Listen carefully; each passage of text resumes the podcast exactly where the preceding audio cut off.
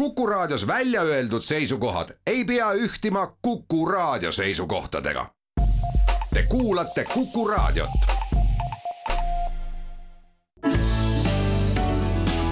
keskpäevatund. maa tuleb täita lastega ja täita laste lastega ja laste laste lastega. Maa tuleb täita lastega ja laulude ja lastega ja kõige vastu võidelda, mis võõrastab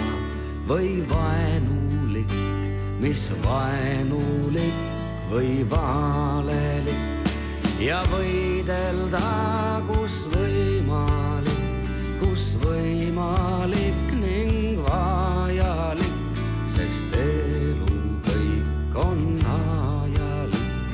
I lost it.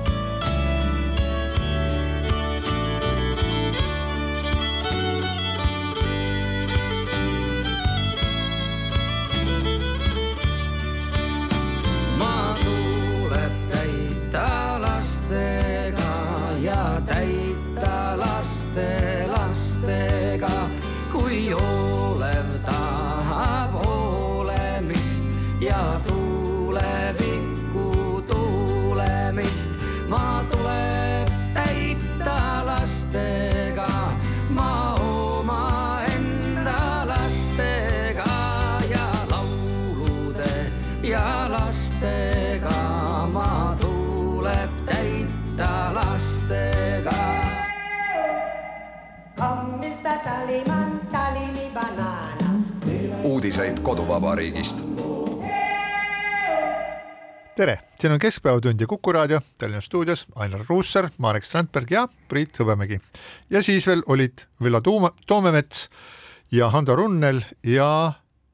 Toomas Lunge, kes esitasid laulu mitte küll üheskoos, aga Toome, Toomepuu ja Runnel olid selle loonud. Ja laulu nimi oli Maa tuleb täita lastega ja kahtlemata see on Eesti Laulva revolutsiooni ajaloos üks väga-väga oluline ja märgiline laul, aga kui me hakkame vaatama reaalsust, siis me peame kõigepealt pöörama pilgu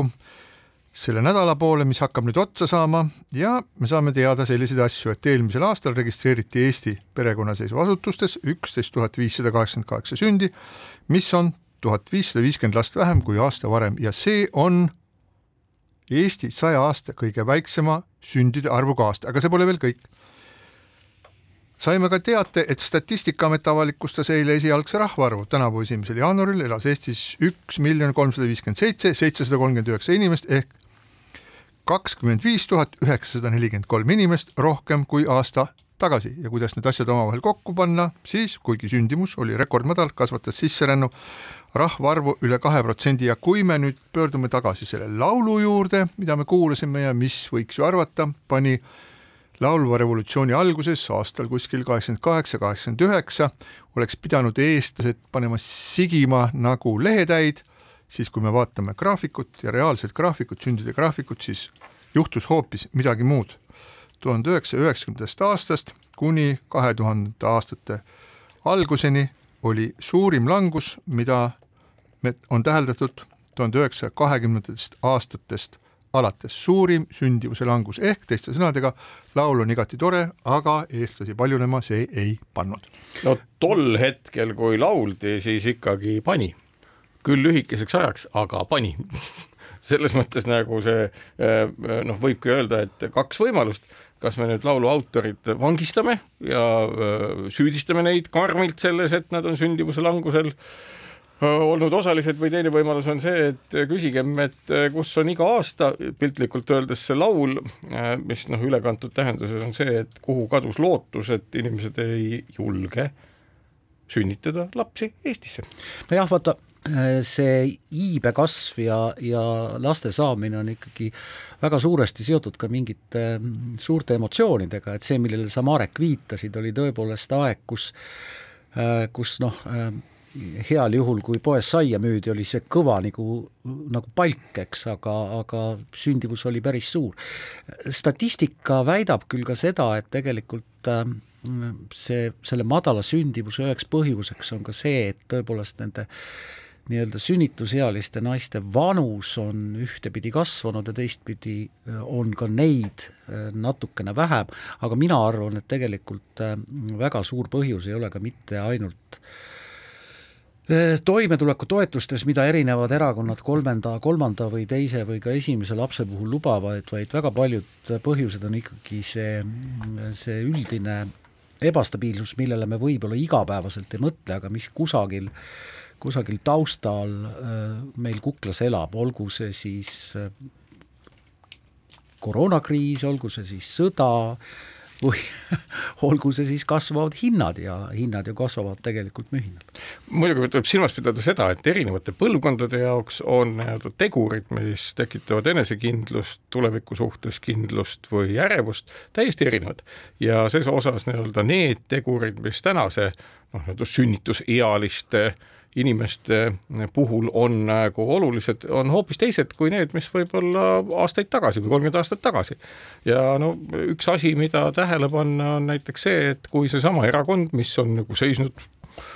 kolmanda lapse sündimise toetuse eest nagu raudpolt ja öelnud, et see on ainuke asi, mis inimesi sünnitama paneb ja teistpidi, kui siis küsisin sel nädalal äh, sama erakonna esindaja käest, äh, kes Riigikogus, et kuulge, et äh, noh, igal pool maailmas äh, siin arenenud riikides tegeletakse küsimusega kliimaseadus, et mismoodi siis ikkagi seadustada kõik need tegevused ühesel moel, et mis nagu tulevikku tagaksid, siis ütles tema, et et meil kliimaseadust nagu plaanis ei olegi, kuigi lõpuks ütles, et on, aga me räägiks rohkem nagu kliimaeesmärkidest. ja nüüd ongi nagu niimoodi, et kui me vaatame seda nooremat põlvkonda, kelle jaoks probleemid on hoopis muud kui vanema põlvkonna jaoks, siis kõik see ebakindlus, mis seadustega seotud ja tulevikuga seotud, on see, mis ütleb, et noh, et aga ma ei soovi, et mu lapsed kannataksid selle tõttu, et ühiskond ei ole valmis tegelema põhiprobleemiga. Ja nooremate jaoks on põhiprobleem kliima. noh, ühiskond ja tulevik sõltub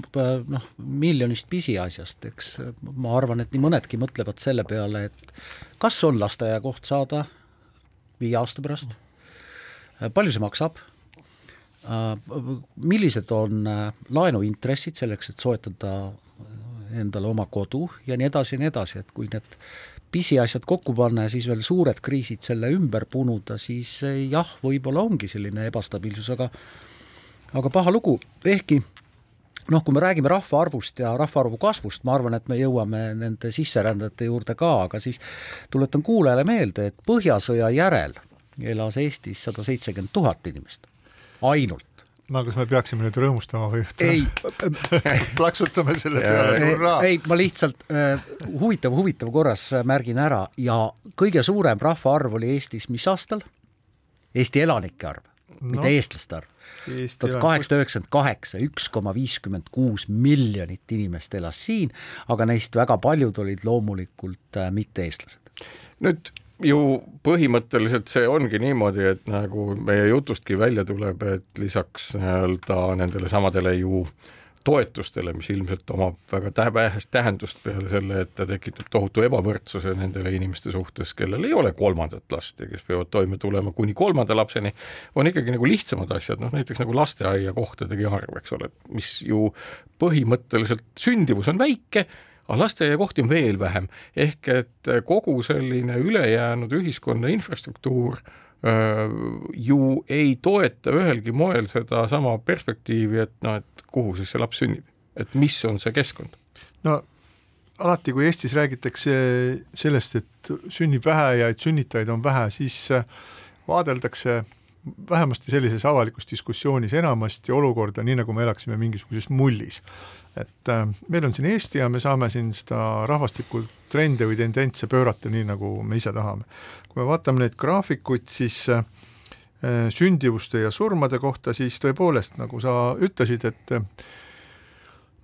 selle kaheksakümnendate aastate lõpus, kaheksakümmend seitse, kaheksakümmend üheksa, küllap ka, küllap ka siis selle laulu mõjul tõepoolest lühikeseks ajaks läks sündivus üles ja siis ta hakkas kukkuma ja ta kukkus sisuliselt kivina väga pikka aega ja selle põhjuseks siis peetakse, rahvastikuteadlased peavad selle põhjuseks siis ähm, majanduslikku ebakindlust. Ja see on täiesti arusaadav, sellepärast et riik oli suures muudatuses, inimesed olid küll noored, aga riik oli suures muudatuses, sisuliselt äh, elati mõnda aega veel Nõukogude Liidu inertsist äh,, hakkama saada oli keeruline, no ütleme ka nii, kuigi mulle see väljend väga ei meeldi, see kauboikapitalism, aga eks seda oli ka üsna palju, oli ka palju kuritegevust ja selge see, et see inimestele mingisugust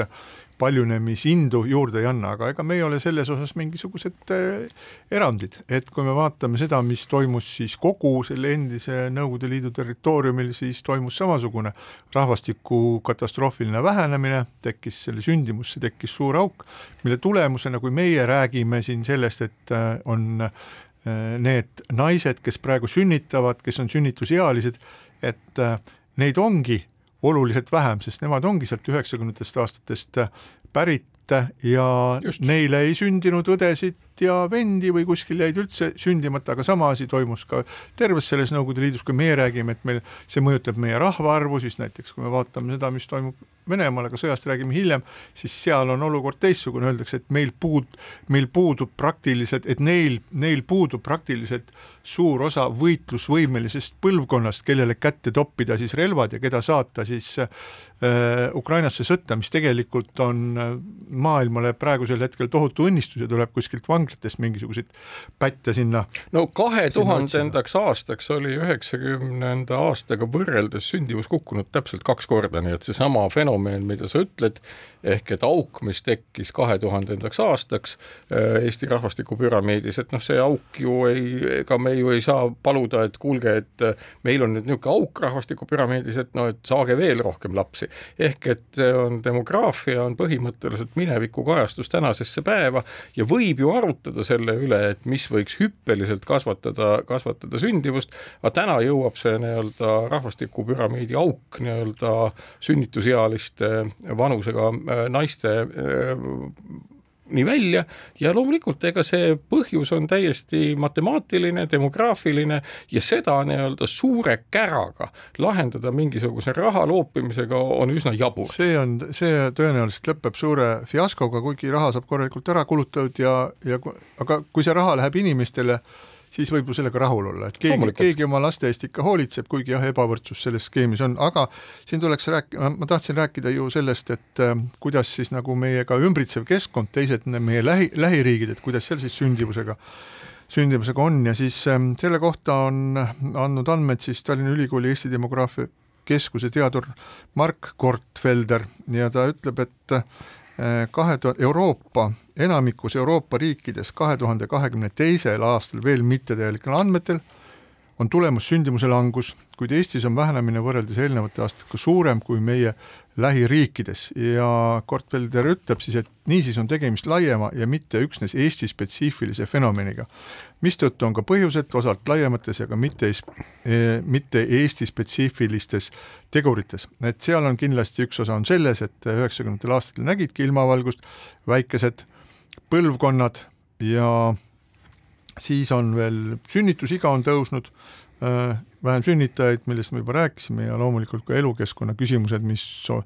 osasid inimesi või see võib olla võtta, elukeskkonda võib võtta ka laiemalt, see on ka see turvatunne maailmas, äh, selle pärast, mis maailmas sünnib. Ja me võime olla, ma arvan, et me võime olla päris kindlad, et see Ukraina sõda ei pane, äh, selle Ukraina sõja mõju on ka sündimust pidurdav et me võime näha ka järgn-, järgnevatel lähematel aastatel seda, et ka nii Eestis kui mujal sündivus tegelikult väheneb. Ja muidugi tore, et meil osa inimesi saab siis seda raha kolmanda lapse jaoks, kuigi mina kahe, äh, kahe lapse isana ütlen, et selline lähenemine, nagu see Isamaa on välja mõeldud, see on hambaid, vihast hambaid krigistama panev, see on nii ebaõiglane, kui sa kasvatad kahte last ja sa oled teinud kõik, mis võimalik, et nad saa-, neist kasvaksid korralikud inimesed ja et nad saaksid korraliku hariduse. ja siis istub kuskil keegi laua taha, ütleb, aga nüüd me paneme selle raha pataka lauale ja kus hakkab kolmandaid lapsi tulema nagu kilu, vabandage no,, see ei tööta. ennustada võib lihtsalt sellepärast, et kuna kahe tuhande üheksandal, kümnendal aastal oli see nii-öelda äh, kahe tuhandenda aasta nii-öelda sünnitajate sünd, noh, naiste sündide langus nagu üle elatud, siis noh, tõenäoliselt loomupärane jällegi demograafiline tõsiasi on selles, et pärast kahe tuhande kolmekümnendat aastat sündivus hakkab jälle kasvama ja no. mida saab teha jälle see nii-öelda poliitiline, no vot, näete meie andsime siin raha ja näete, juba kahe tuhande kolmekümnendal aastal hakkas sündivus kasvama, tegelikult kasvab ta puht rahvastikulistel põhimõtetel. jaa, absoluutselt, eks ta käibki lainetena, nii samamoodi nagu käib majanduslainetena, käib ka, ka demograafia lainetena, aga aga noh, viimased veerand sajandit on ikkagi tegelikult väga paljud, vähemalt Euroopa arenenud riigid olnud mures selle pärast, et ega see sündivus ei kasva. Ja ei kasva ka heaoluriikides, kus üldiselt on no,, on hea elada no,. aga miks ta peaks kasvama, see on ju ammu tuntud tõde, et mida paremini riigil läheb, seda kõrgem on keskmine vanus, seda rohkem on inimesi, kes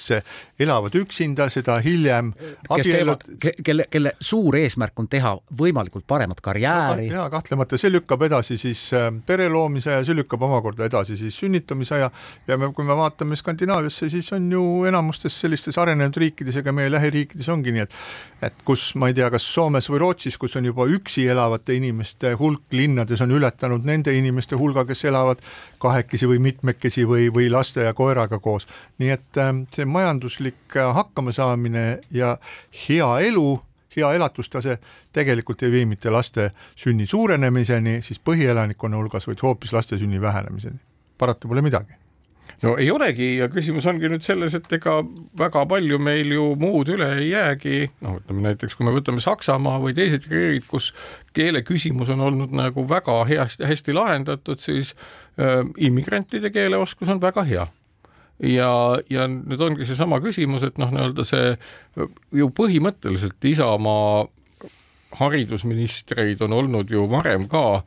ja kõige kummalisem on see, et ükski neist, ka praegu istuv, ei ole ju varasemalt nii jõuliselt äh, taibanud siis seista eestikeelse hariduse eest ja selle eest ei olegi seistud. ja nüüd avastati siis nagu oh-oh, et see on nüüd väga oluline. loomulikult on see väga oluline, loomulikult on oluline need muutused teha ülimalt kiiresti, üsna kohe ja praegu sellel moel nagu edasi minnakse ja ma kujutangi ette, et noh, rääkida sellest kui mingist väga vapustavast asjast, tulebki öelda, et nüüd on Isamaa teinud ära oma veaparanduse ja vigade paranduse paranduse, mitte ainult ühe vea paranduse ja loodame, et nii-öelda järgnevad valitsused suudavad seda vigade parandust nagu järgida. aga läheme nüüd nende rahvastiku juurdekasvu numbrite juurde, et jaa, hurraa, hurraa, et äh, täna esim-, tänavu esimesel jaanuaril elas Eestis siis kakskümmend viis tuhat üheksasada nelikümmend kolm inimest rohkem kui aasta tagasi, ehkki siis nagu me just rääkisime, et sündimus oli rekordmadal alates tuhande üheksasaja üheksateistkümnendast aastast. Ja mis siis kasvatab meie rahvaarvu rahvaarvu kasvatab sisseränne, mida eelmisel aastal mõjutasid kõige rohkem ukrainlased, keda, kes moodustasid siis äh, siia sisse rännanutest seitsekümmend viis protsenti ja äh, siia jäänud oli kolmkümmend üks tuhat kuussada inimest rohkem kui ära läinud. Ja mis on siis huvitav, et äh, sisserännanute hulgas oli esimest korda sel sajandil naisi rohkem kui mehi, mehi kuuskümmend protsenti siia tulnutest on naised, aga viimane kümme aastat on olnud teistmoodi, et kuuskümmend protsenti on olnud mehed. nii et aga äh, vaatame no, seda kui on, võimalust, vaatame ja, seda kui võimalust. ei, aga see on otseselt, see on otseselt, vot see on nüüd otseselt äh, äh Venemaa agressiooni mõju Ukrainasse. loomulikult. sellepärast, et tõepoolest äh, noh, mehed vanuses kaheksateist kuni viiskümmend neli on peavad kandma relva, peavad oma riiki kaitsma, kõik mm, nad ei saa tulla ja migreeruda, küll aga naised ja nende lapsed, mis on iseenesest ju normaalne, et me neid vastu võtame ja toetame senikaua, kuni nad saavad tagasi pöörduda. no teine võimalus on ikkagi seesama asi, et ega mis peaks olema meil selle vastu, kui nii-öelda nendesamade naiste järeltulijad käivad Eesti koolis,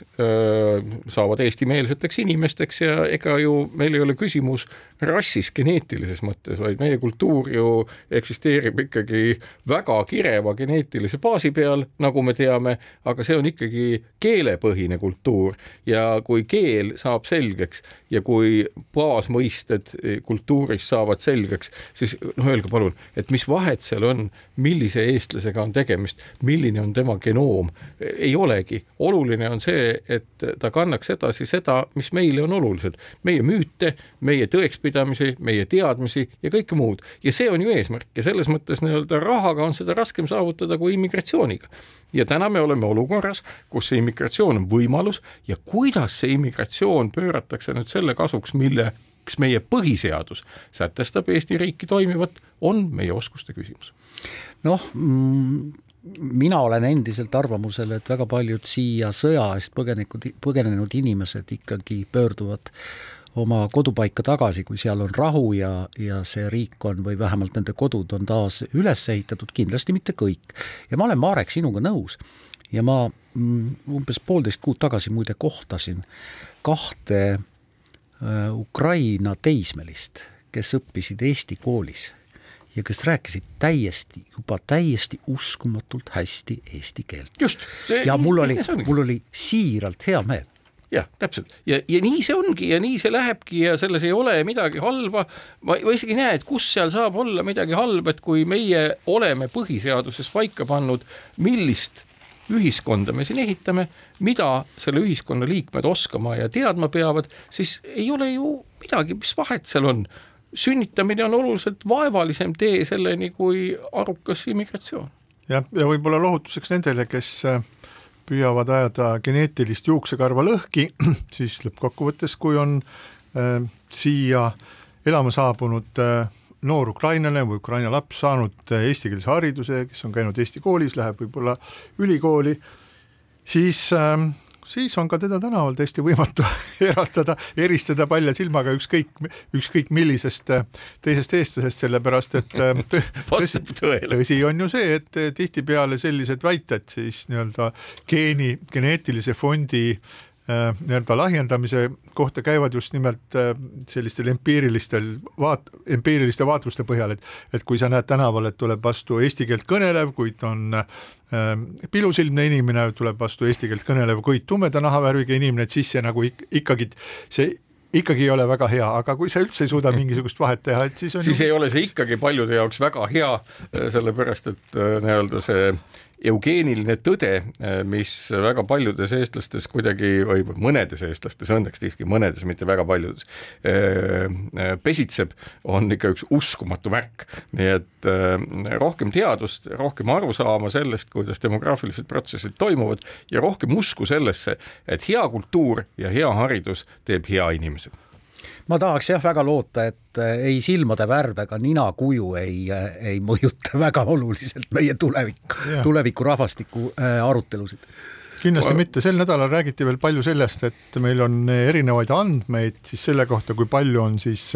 sõjapõgenikke Eestis, et äh, Statistikaameti järgi saabus Eestisse mullu kolmkümmend üks tuhat viissada üheksakümmend neli Ukraina kodanikku, aga äh, politsei- ja Piirivalveameti statistika ütleb, et viieteistkümnenda, viieteistkümnendaks jaanuariks oli ajutist kaitset taotlenud nelikümmend kaks tuhat kolmsada nelikümmend kaks inimest. see, selles põhjus äh, nende numbrite erinevuses Ähm, peitub siis selles, et ajutise kaitse saanud inimesed kajastuvad Statistikaameti esialgses rahvaarvus vaid siis, kui nad viibisid siin tänavu esimese jaanuari seisuga ja no üldiselt sooviks nagu siin, kui vaadata sotsiaalmeediat, siis võib leida mingisuguseid metsikuid numbreid selle kohta, kuidas Eesti on juba ammu üle ujutatud ähm, sisserändajate poolt ja kohalike elanike kõrvad isegi ei paista nende hulgast silma, aga tänu sellele, et Politsei- ja Piirivalveamet ja Statistikaamet on need numbrid selgelt välja käinud ja paremat statistikat meil võtta ei ole, kui need on, siis on hea, et me teame, kui palju ja millal meil siin on neid inimesi, kes on meile tulnud ja siinkohal väike paus. keskpäevatund. keskpäevatund jätkab, Ainar Ruussaar, Marek Strandberg ja Priit Hõbemägi Kuku raadio stuudios. väljas on kaunis päikeseline laupäevane ilm ja räägime nüüd äh, veidikene Riigikontrolli auditist, mis andis kohalikele omavalitsustele kõva laksu, et neil pole korralikku süsteemi toimetuleku toetuste osas ja et seda tehakse erinevates kohtades, kuidas juhtub. Jah, Riigikontroll tõepoolest avaldas auditi, tõsi, see audit äh, puudutas perioodi aastat kaks tuhat kakskümmend üks jaanuarist kuni kaks tuhat kakskümmend kaks jaanuarini, ehk siis tegelikult selle kobarkriisi kõige suurem mõju ja sõja mõju oli sealt uuringust väljas, aga Riigikontroll väitis põhimõtteliselt kahte asja. esiteks, toimetulekute määramise praegune kord omavalitsustes soosib ebavõrdsust ja soosib bürokraatiat, ehk siis äh, Riigikontroll avastas, et oli omavalitsusi, kus tegelikult äh, ei arvestatud toetuste määramisel tegelikke eluasemekulusid ja mis mind ikkagi väga noh, ütleme ebameeldivalt jahmatas, oli see, et et paljud omavalitsused nõudsid nendelt, kes toetust taotlesid, eh, päris korralikku bürokraatlikku äh, bürokraatliku sellise teabelehe täitmist, mis sisaldas tegelikult andmeid, mis on kättesaadavad äh, omavalitsusele riigi andmebaasidest, ehk siis selline nii-öelda topelttegevus või topelt, topelttöö. aga jah,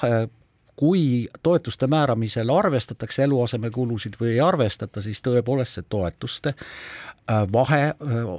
erinevates omavalitsustes võib olla märkimisväärselt erinev mis ei ole õiglane. nüüd on küsimus, suur küsimus on tegelikult see, millest on ka aastaid räägitud, et kui palju peaks riik sekkuma või ministeerium või valitsus sekkuma kohalike omavalitsuste eelarvete kujundamisse. et ühtepidi selle Riigikontrolli auditi põhjal võiks öelda, et äh, riik peaks kõvasti sekkuma ja ütlema, toetused on sellised, sellised, sellised, arvestada tuleb sellega, sellega ja sellega omavalitsused omakorda äh, mitte ainult toetustest rääkides, vaid ütlevad, et tegelikult riik suhtub su,, äh, suhtub nende eelarve kujundamisse juba praegu liiga palju, et umbes kolmandik omavalitsuste eelarvest ei ole omavalitsuse nii-öelda otsustada, vaid seda otsustab äh,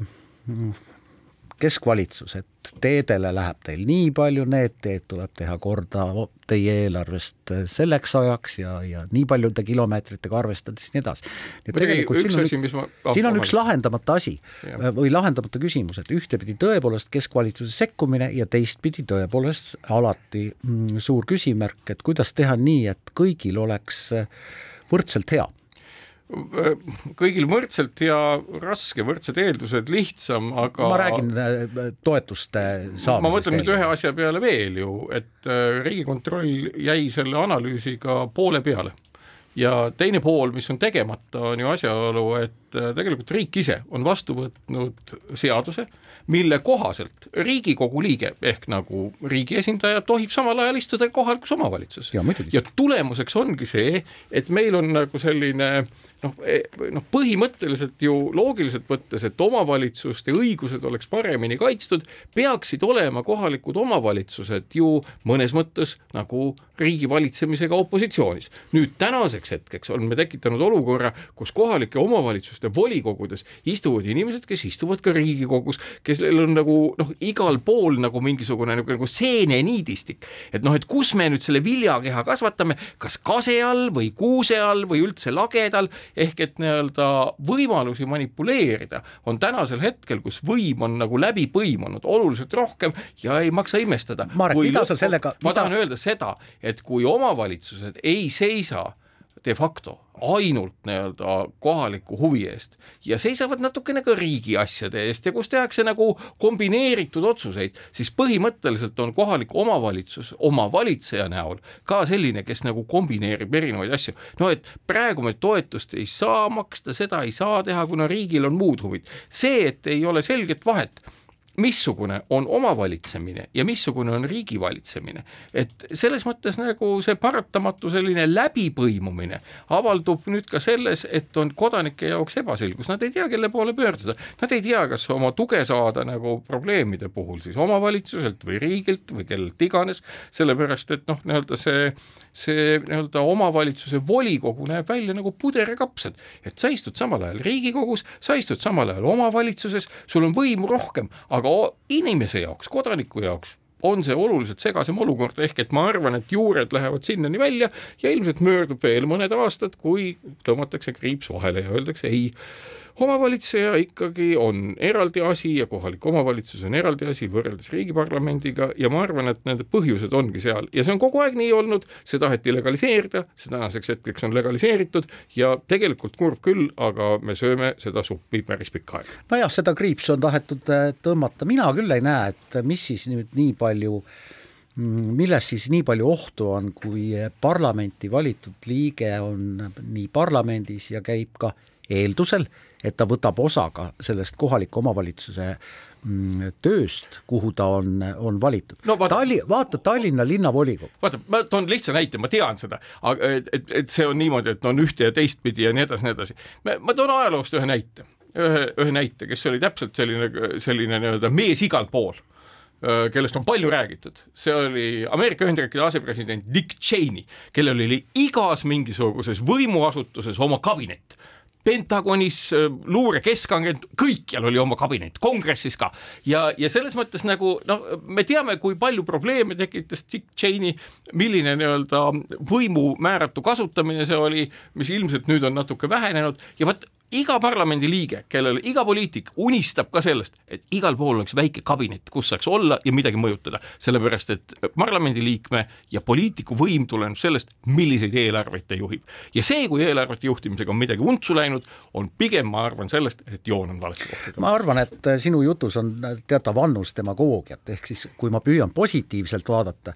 siis ju tegelikult, kui kohalikus omavalitsuses on näiteks mõni inimene, kes kuulub samal ajal ka suure valitsuse koalitsiooni no siis teised omavalitsuse liikmed, kes ei istu parlamendis või kuulu suurde koalitsiooni, vaatavad neile otsa ja ütlevad, kuulge, tehke midagi seal suures valitsuses. Te olete ju siin omavalitsuse liige samamoodi, aidake meid. ma arvan, et neilseid vestlusi on väga palju, ma arvan, et neid vestlusi on väga vähe ja põhiline on ikkagi see. milles su pessimism? minu pessimism tuleneb lihtsast asjaolust, enamus äh, poliitikuid, kellel on võimu, käituvad sotsiopaatiliselt või psühhopaatiliselt ja, ja seda on kindlaks tehtud, et poliitikute hulgas on neid rohkem ja miks me peaksime tekitama olukorra, kus kohaliku omavalitsuse kodanikud kannatavad selle all, et nii-öelda võimu ambitsiooni maksimeerivad inimesed teevad kõiki töid korraga. Nad ei saa seda efektiivselt teha, põhimõtteliselt ei saa, nad ei saa olla meelekindlad ja vaatame tõele näkku, see on tõde. doktor Strandberg pani nüüd väga võimsa diagnoosi. ei, see ei ole võimas diagnoos, lihtsalt teadlaste hulgas, poliitikute hulgas, sotsiopaatide ja psühhopaatide osakaal on suurem, me peame harjuma nendega koos elama ja tegema kõik selleks, et ükski sellistest sotsiopaatilistest või psühhopaatilistest omadustest ei eskaleeruks, ei laieneks ja kõige lihtsam on tõmmata kriips vahele. no selge, aga, aga me olemegi ju, olemegi ju ühiskonnana sellises punktis, kus on võimalik tõmmata kriips vahele, et meil on ees valimised, nad on tulemas juba, valimiskampaaniad ehkki väga vaikselt, tiksuvad vaikselt ja on nüüd tänaseks on siis avalikustatud ka kõikide kandide-, erakondade nimekirjad, nii et põhimõtteliselt äh, kuidas siis nüüd edasi saaks minna, ma saan aru, et tuleks hakata, nagu sa ütlesid, kriips, kriips kriips tuleb vahele tõmmata, inimene, kes istub kohalikus omavalitsuses ja kandideerib ka Riigikokku, ärge teda valige. et nendele tuleks kriips lihtsalt, pea, lihtsalt, kriips peale lihtsalt, tõmmata. lihtsalt inimene, inimene, kes on äh, istunud mitu-mitu koosseisu kohalikus omavalitsuses, on valitud Euroopa Parlamendi liikmeks ja ta istub mõlemal toolil. ja aga vähendage vähendage vähendage poliitilise võimu osakaalu ja te saate seda valijatena teha, see argument on vägagi põhjendatud, mille ma siin välja tõin. Ja ongi kõik. mina olen sinuga nõus selles osas, et äh, noh, neid ju nimetatakse traditsiooniliselt partideks, et kes äh, lähevad prääksudes madalal veekohal lennates, äh, lähevad hääli tooma. Ja tegelikult ma arvan ka, et see on õige, et neid parte valida ei maksa, et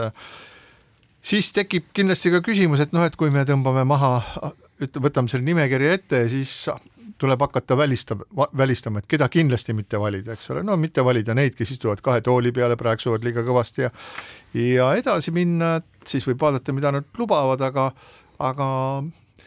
nii palju, kui neid valimisi on olnud, on ju alati olnud üks selge ja arusaadav selline reegel, et vali inimest tema tegude, mitte tema sõnade järgi. Et need, kes igasuguseid asju lubavad, et neid on pool maailma täis. aga kui sa valid sellise inimese, jah, valid sellise inimesi, kelle teod on sulle meeldinud, kes on teinud neid asju, mis on olulised, kes on teinud nüüd hästi ära, kes jätab ausa ja usaldusväärse inimese mulje ja räägib selget juttu, et siis ei tohiks ju valimine valimine valimistel sugugi keeruline olla. no jaa, aga mehed, vaadake neid erakondade nimekirjade noh, nii piirkondlikke esinumbreid kui ka üldiseid esinumbreid, seal on noh, ma julgen öelda küll et, et nelikümmend protsenti mõnes piirkonnas on ikkagi inimesed, kes on ka kohalikus omavalitsuses. ja aga ärge valige neid. miks nad on, sellepärast et Riigikontroll on kirjutanud põhjuse, et kõik äh, toetusmehhanismid on suvalised, meelevaldsed, kuidas see tekkida saab? see saab tekkida selle tõttu, et inimesed istuvad mitme tooli peal, nad ei saa teha selgeid otsuseid kohalike omavalitsuste inimeste kasuks ja see ongi peamine põhjus, et kui te kohaliku omavalitsuse toetustest või hea, hea soovimisest huvitatud kodanikud soovite, et teie omavalitsus oleks rohkem teie poole näoga, siis saage aru, et kui inimene, kes istub kohalikus omavalitsuses, istub ka veel kusagil mujal ja veel kusagil mujal ja veel kusagil mujal, siis tema jaoks olete te lihtsalt üks argumentidest, aga te peaksite olema inimese jaoks, kes on volikogus, ainuke argument. jaa, aga kui, kui, kui sa oled poliitik, kes istub Riigikogu kultuurikomisjonis ja võitleb eestikeelse hariduse eest ja on samal ajal mõnes Ida-Virumaa omavalitsuses omavalitsuse liige ja võitleb ka seal eestikeelse hariduse eest, siis on ju kõik paganama hästi, topelt hästi. ma ei usu seda, ma arvan, et see on nagu ilus põhjendus sellele, kuidas inimene igal pool midagi head teeb, veel kord igas poliitikus, kes istub mitme koha peal, on natukene Dick Cheney't ja selles mõttes ei ole seal midagi imestada, et ta maksimeerib oma võimu, mida ikka poliitikul maksimeerida on, ikka oma võimu. Ja selles mõttes vähendage, vähendage poliitikute võimu, sellepärast et äh, kõik võimu liialdused tulenevad sellest, et on võimalik võimuga liialdada. ja üldiselt võiks seda nimetada ka võimuvertikaalist, kus võim põimib ennast läbi erinevate tasandite selleks, et äh, juhtida erinevates kohtades samade põhimõtete järgi. Ja siinkohal väike paus keskpäevatund. ja Keskpäevatund jätkab, Ainar Ruussaar, Marek Strandberg ja Priit Hõbemägi. pingutas see maailm, mis ta pingutas, tegid tähtsad mehed ja kaitseministrid oma koosolekul mitmel pool maailmas, noh näiteks siis äh, Eestis ja ka näiteks äh, Rammsteini sõjaväebaasis äh, Saksamaal, aga hoolimata sellest, et räägiti ja räägiti ja lubadused, suured lubadused lendasid õhus, anda Ukrainale Saksa Leopard tanke jäidki, võiks ausalt öelda, kurva üllatusena need uudised saabumata. Ja tänasel päeval siis ehkki, ehkki nii Ameerika Ühendriigid kui ka Saksamaa pidasid omavahel veel viimase hetke kõnelusi sel teemal ja õhus oli kogu aeg ootus, et nüüd-nüüd kohe-kohe äh, tulevad ka Leopard tankid äh, Ukraina sõjaväljadele, jäi vähemasti praegu see kõik juhtumata. Äh, Ameerika Ühendriigid äh, teatasid küll suurest uuest äh, abipaketist koos Bradley lahingumasinatega ja nii edasi, aga maailma tähelepanu ega meie tähelepanu on siiski pööratud tankidele, võib-olla tankid on sellised kesksed elemendid, mis võimaldavad, võimaldavad rünnakut, võimaldavad kaitset, võimaldavad kiiret tuld ja lahinguväljal kindlasti olulised. praegu räägitakse kõige rohkem sellest, et mis võisid olla need põhjused, miks tanke ikka või Saksamaa tanke siiski veel Ukrainale ei antud, ainsad tankide andjad on siis ähm, britid, kes andsid oma Challengeri, aga ka ameeriklased oma Abramsid ei tahtnud anda, et äh, nende põhjuste üle, miks siis neid ei soovita anda, nüüd arutame. kuulajatele selgituseks, et äh, asi ei ole lihtsalt selles, et ma annan kaks tanki või kolm tanki, et see asi toimib ikkagi siis, kui, kui abina antakse tankiüksus, see on mingisugune logistiline üksus, noh näiteks britid andsid tankikompanii, neliteist Challengeri tanki. Äh, mis tähendab seda, et see tähendab logistikat, see tähendab võimalust äh, varustada, remontida, see tähendab ka väljaõpet ja mina ei saagi täiesti otseselt nüüd aru, et minu meelest see otsus ei ole lõplik, sest pärast Rammsteini kohtumist teatas Ukraina kaitseminister, et äh, neil on kokkulepe äh, mitme Euroopa liigi, riigiga, et nad alustavad Leopard kahe tankide väljaõppimissiooni Euroopas, nii et tanke kui sellist ei ole, aga väljaõpet lubatakse Ukraina tankistidele just nimelt Leopard kahe väljaõpet anda? no seal peabki vaatama asja laiemalt, et noh, lihtne on öelda, et ah, et mis iganes, et venelased on sakslased ära ostnud ja ajavad mingit värki, mis võib ka kuidagi olla, eks seal ole igasugu kummalisusi nende sotsialistidega Saksamaal ja ja mm, Venemaa võimudega, nagu me teame Schröderigi puhul, aga jätame selle kõrvale ja vaatame nagu tanki laiemalt ja noh, ütleme, ega ju tank ei ole iseseisev ja iseseisvalt ennast kaitsta suutev asi, et kui tank läheb lahinguväljale, peab olema jalavägi, kes nii-öelda külgedelt seda kaitseb ja ta moodustab ikkagi nagu niisuguse terviktaktikalise süsteemi koos õhuväe ja, ja soomukite ja kõigega muuga. ehk et tank iseseisvalt on lihtsalt hävitatav ja ma arvan, et võib-olla see on üks suuremaid hirme, sellepärast et Rheinmetalli jaoks, milline toodab Leopard tanke, on tegemist ikkagi olulise eksportartikliga, neid on toodetud tuhandeid ja see on ka ettevõttele ja Saksa riigile ilmselt kena kopikas, õigemini siis euro tänasel päeval nii-öelda eurosent äh, tulude mõttes. Ja ega Leopard tankidega on ajaloos juhtunud ju igasugu äpardusi, noh mõttes, et äh, kui Türgi armee, milles on vist äh, välisarmeedest üks suurem leopardide nii-öelda parv äh, kasutas äh, kurdide vastu leoparde siis äh, umbes viiekümne aasta vanuse Vene nii-öelda, Vene nii-öelda tankitõrjeraketiga või Nõukogude tankitõrjeraketiga Fagott võtsid kurdid nii-öelda nii mitugi tanki seal maha ja ega siis nii-öelda Ukraina puhul ka ei maksa alahinnata seda, et keset kusagil Dnepri madalikke põlev Leopardi tank, millelt torn ära lennanud on, ei ole just kõige parem reklaam Rheinmetalli toodangu jaoks. Ja selles mõttes nagu ma arvan, et seal võib olla selline objektiivne põhjus, et soovitakse, et armee oleks ise ka suuteline sedasama nii-öelda tankide olemasolu kaitsma. just, sa jõudsid täpselt sinna, millest ma alustasin, et tank iseenesest ei tähenda mitte midagi, tänapäeval peab see olema tankiüksus mida toetavad nii õhk kui, kui jalavägi ja, ja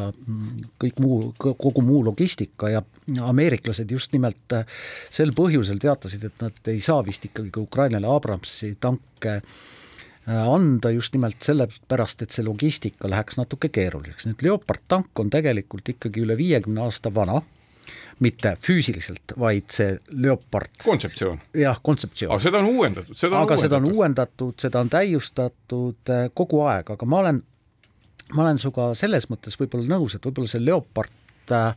on natukene ka müütilise relva imagoga, niimoodi nagu Nõukogude Liit omal ajal püüdis teha tank T kolmekümne neljast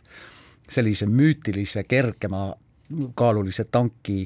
no äh, mõnes mõttes oli neil õigus, neid suudeti massiliselt toota ja neid tuli peale nii palju, et isegi need äh, vägevad hüper-super nagu Saksa tankid, et noh, kui sul ikkagi vastas on, äh, vastas on nii-öelda mingi väga kiirelt sõitvat traktorit, mida sa oled suuteline küll nagu ära pommitama, aga ega kui neid on ikka väga palju, siis sa ei suuda midagi teha. ja ma arvan, et Leopardiga on sama lugu, et see Vene raud, mis talle vastu voolaks no jääks nagu, jääks nagu üle jõu käivaks. jah, aga kui ma õigesti aru sain, siis ma tegelikult tahan rõhutada ühte asja, millele sa pealiskaudselt vääri-veeri viitasid no.. ja minu meelest sa viitasid natuke nagu sellele, et kui peaks Leopard tankid jõudma Ukrainasse ja ilmselt nad kunagi ka jõuavad koos väljaõppinud meeskonnaga ja koos piisava logistikaga, kui neist mõni pihta saab ja põleb siis see, millise mõnuga Vene ja Kremli propagandakanalid neid kaadreid näitavad, on väga tõsine. Loomulikult ja selles mõttes Ehk ega see, see tank võib muutuda täiesti ideoloogiliseks relvaks. see on, see on selge, aga ütleme nüüd täitsa ausalt, ega selleks ei ole mingisugust päris Leopardi vaja, et ei, Vene propagandamasin on suuteline papist ja plekist ehitama Leopardi tank, tanki ja näitama teda nii, nagu nad, nad on näidanud HIMARS-i rakette ja kõikvõimalikke kummalisi asju, mida nad on justkui kätte saanud, aga mille kohta ei, ei ole nagu selget, selget tõendust, küll saab seda kuidagi fake ida, seda asja ka, aga ma mõtlen, et ku, mitte kummaline, vaid pigem kõnekas on see, et ähm, äh, pärast sakslaste, ameeriklaste arutelusid tankide üle ei ole ju ükski osapool andnud sellist nagu selget ja inimlikult arusaadavat äh, põhjendust, et miks praegu ei saa äh, ei saa tanki anda no, või miks ei saa tanki anda, mis, mis minu meelest nagu viitab sellele, et siin on mingi, et see ähm,, et siin on mingisugune strateegiline plaan, mis, mida, mida on veel vara nagu avalikustada, aga mis jõuab oma mingisuguse sellise küpsusastmeni ja siis me saame sellest kõigest teada. teine asi on veel see, peale kõikide nende logistika, mootorite, kütuse, tagavaraosade ja kõik igasuguste ja, ja mainekahju ka praegugi on ju teada juba see, et ähm, Venemaa mis on olnud üks maailma suurimaid relv, relvaeksportijaid ja müünud just no ma ei tea, Pakistani, Indiasse, Hiinasse ja kuhu iganes oma relvi, et äh, Vene siis sõjatööstusel läheb suhteliselt kehvasti, sellepärast et kui kogu aeg televiisoris on põlevad Vene tankid või õhku lennanud asjad, millel jälle ütleme seal tankil see Ehm, torn. mürsu karussell on lõhkenud ja torn on lennanud kahekümne viie meetri kõrgusele, et no mida sa lähed sellist tanki siis müüma, kõik isegi näidatakse näpuga, et näete, et siin selle torni all on äh, mürsud, kui ülevalt tuleb siis mingisugune Javelin või Enlo, läheb sutsti sinna sisse, paneb paugu ja see torn lendab kahekümne viie meetri kõrgusele. ja ongi korras, et sellist tanki kahtlemata ei müü, aga mida, mida ma tahtsin selle asja lõpetuseks öelda, et aga üks põhjus võib olla ka see, et tegelikult ei ole Ukraina rindel näha mingisugust nagu sellist põhjalikku muudatust, et see on praegusel hetkel, see asi seisab seal, ei lähe ühele poole, teisele poole, mõlemad pooled hirmsasti näevad, näevad vaeva, aga ei saa öelda, et kuhu poole asi kalduma hakkab. Ja no ütleme, infosõjas on ka Vene pool võtnud mõned mõningaid punkte, kuigi nad ei ole ise neid nagu küll korjanud, nagu see Ukraina siseministri helikopteri alla kukkumine, mis oli selline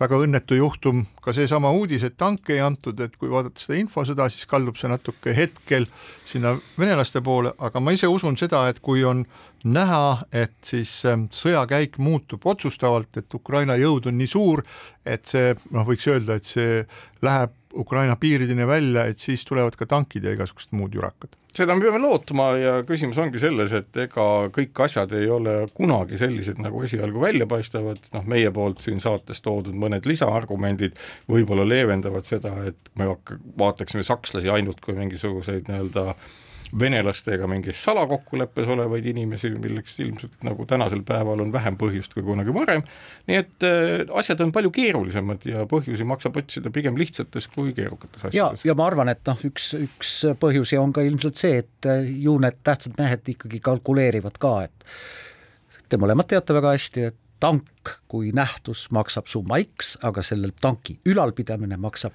veel teise summa X. nii ta on. Ja selle tõdemusega sõjanduseksperdid Ruussaar, Strandberg ja, ja Hõbemägi, Hõbemägi, kõik umbes seersandi ja reamehe staatuses lõpetavad tänase saate, täname teid kuulamast, kohtume taas nädala pärast. keskpäevatund